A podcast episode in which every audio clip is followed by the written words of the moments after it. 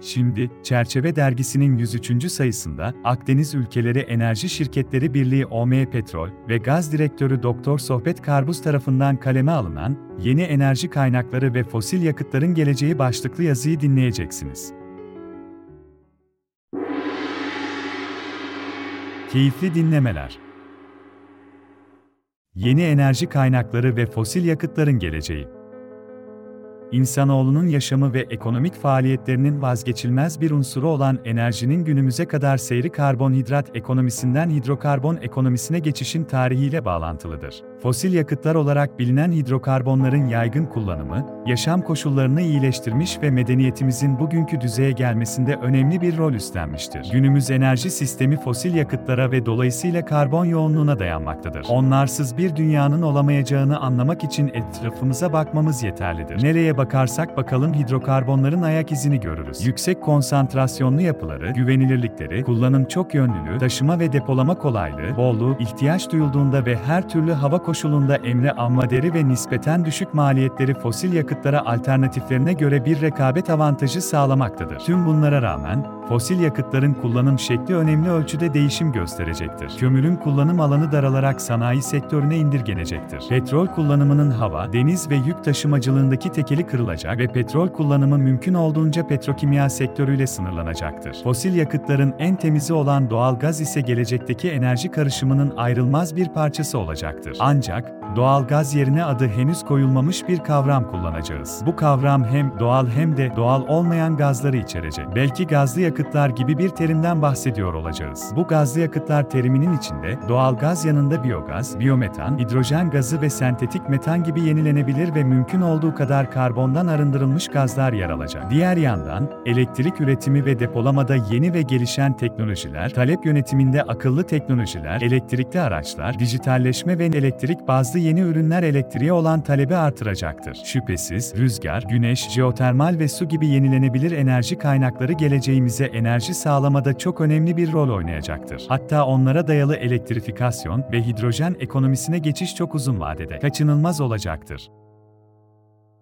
Ama ne var ki, eğer çığır açacak nitelikte teknolojik icatlar olmaz ise ihtiyaçlarımızı karşılayacak yeterli enerjiyi sağlayabilmeleri için mümkün olduğunca karbondan arındırılmış fosil yakıtlarla desteklenmeleri gerekecektir. Bu nedenle karbon yakalama, taşıma, depolama ve kullanma giderek popülerleşecektir. Çevresel riskler ve jeopolitik kaygılar nedeniyle fosil yakıtlardan uzaklaşılması konusundaki baskılar artmasına rağmen arama üretim faaliyetlerinin ve altyapı yatırımlarının durdurulması gibi dünya enerji arzının halen %80'inden fazlasını fosil yakıtlar sağlamaktadır. Öngörülebilir gelecekte fosil yakıt tüketiminin göreceli olmasa bile mutlak değer olarak artış kaydetmesi beklenmektedir. Bunun temel nedeni, artan nüfus, ekonomi büyüme ve iyileşen yaşam standartlarının önümüzdeki daha fazla enerji gerektireceğidir. Özellikle gelişmekte olan ülkelerde, Avrupa Birliği'nin başını çektiği bir grup ülke tarafından iklim krizi adına, net sıfır emisyon gibi muhasebe jimnastikleri ile fosil yakıt karşıtlığına rağmen fosil yakıtlar en azından bir çeyrek yüzyıl daha küresel ekonominin bel kemiği olmaya devam edecektir. Ukrayna'da yaşanan jeopolitik savaşında etkisiyle gittikçe derinleşen enerji krizinin fosil yakıtlardan arınmayı ideoloji haline getirmiş Avrupa Birliği'nin ne hale getirdiğini görüyoruz. Enerji sistemimizi doğal gazdan bile arındıralım derken en kirli fosil yakıt olan kömüre dönmek zorunda kaldılar. Aslına bakılırsa, içinde bulunduğumuz küresel enerji krizi, kıt fosil kaynakların azalmasından ziyade yanlış politikaların izlenmesi nedeniyle hem arz hem de fiyat bakımından kriz sıfatını kazanmıştır. Gelecek kuşaklara fosil yakıtlardan mümkün olduğunca arındırılmış, enerjiyi üretirken ve tüketirken çevreyi kirletmeyen bir sistem bırakma özlemini hepimiz duymaktayız. Ancak bazı gerçekleri görmezden gelemeyiz. Mesela, bugün dünya petrol, kömür ve doğal gaz üretiminin yarıdan fazlası gelişmekte olan ülkelerde gerçekleşmektedir. Bu ülkeler hali hazırdaki ve ileride keşfedilmesi beklenen fosil yakıt rezervlerinin yarıdan fazlasına sahiptir. Önümüzdeki yıllarda dünya nüfus artışı gelişmekte olan ülkelerde yoğunlaşacaktır. Bu ülkelerin ileride daha hızlı büyümesi ve hayat standartlarını arttırması bekleniyor. Tüm bunlar daha fazla enerji tüketimini de beraberinde getirecektir. Aynen gelişmiş ülkelerde olduğu gibi. Bu ise,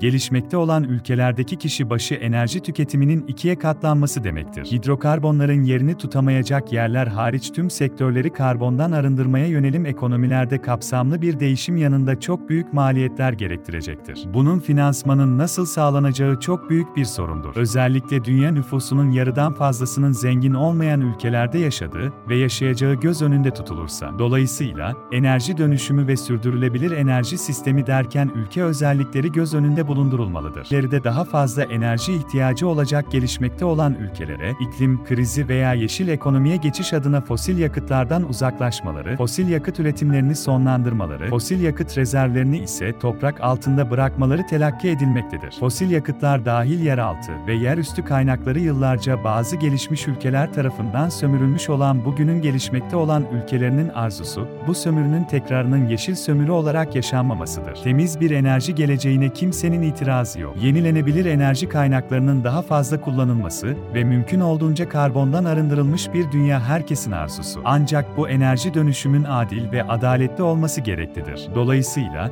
fosil yakıtların geleceği ve enerji dönüşümünün hızı, gelişmekte olan ülkelerin seslerini ne kadar duyurduklarına, gelişmiş ülkelerin bunu ne derece önemseyeceğine ve iki grup arasındaki işbirliğinin nasıl gelişeceğine bağlı olacaktır.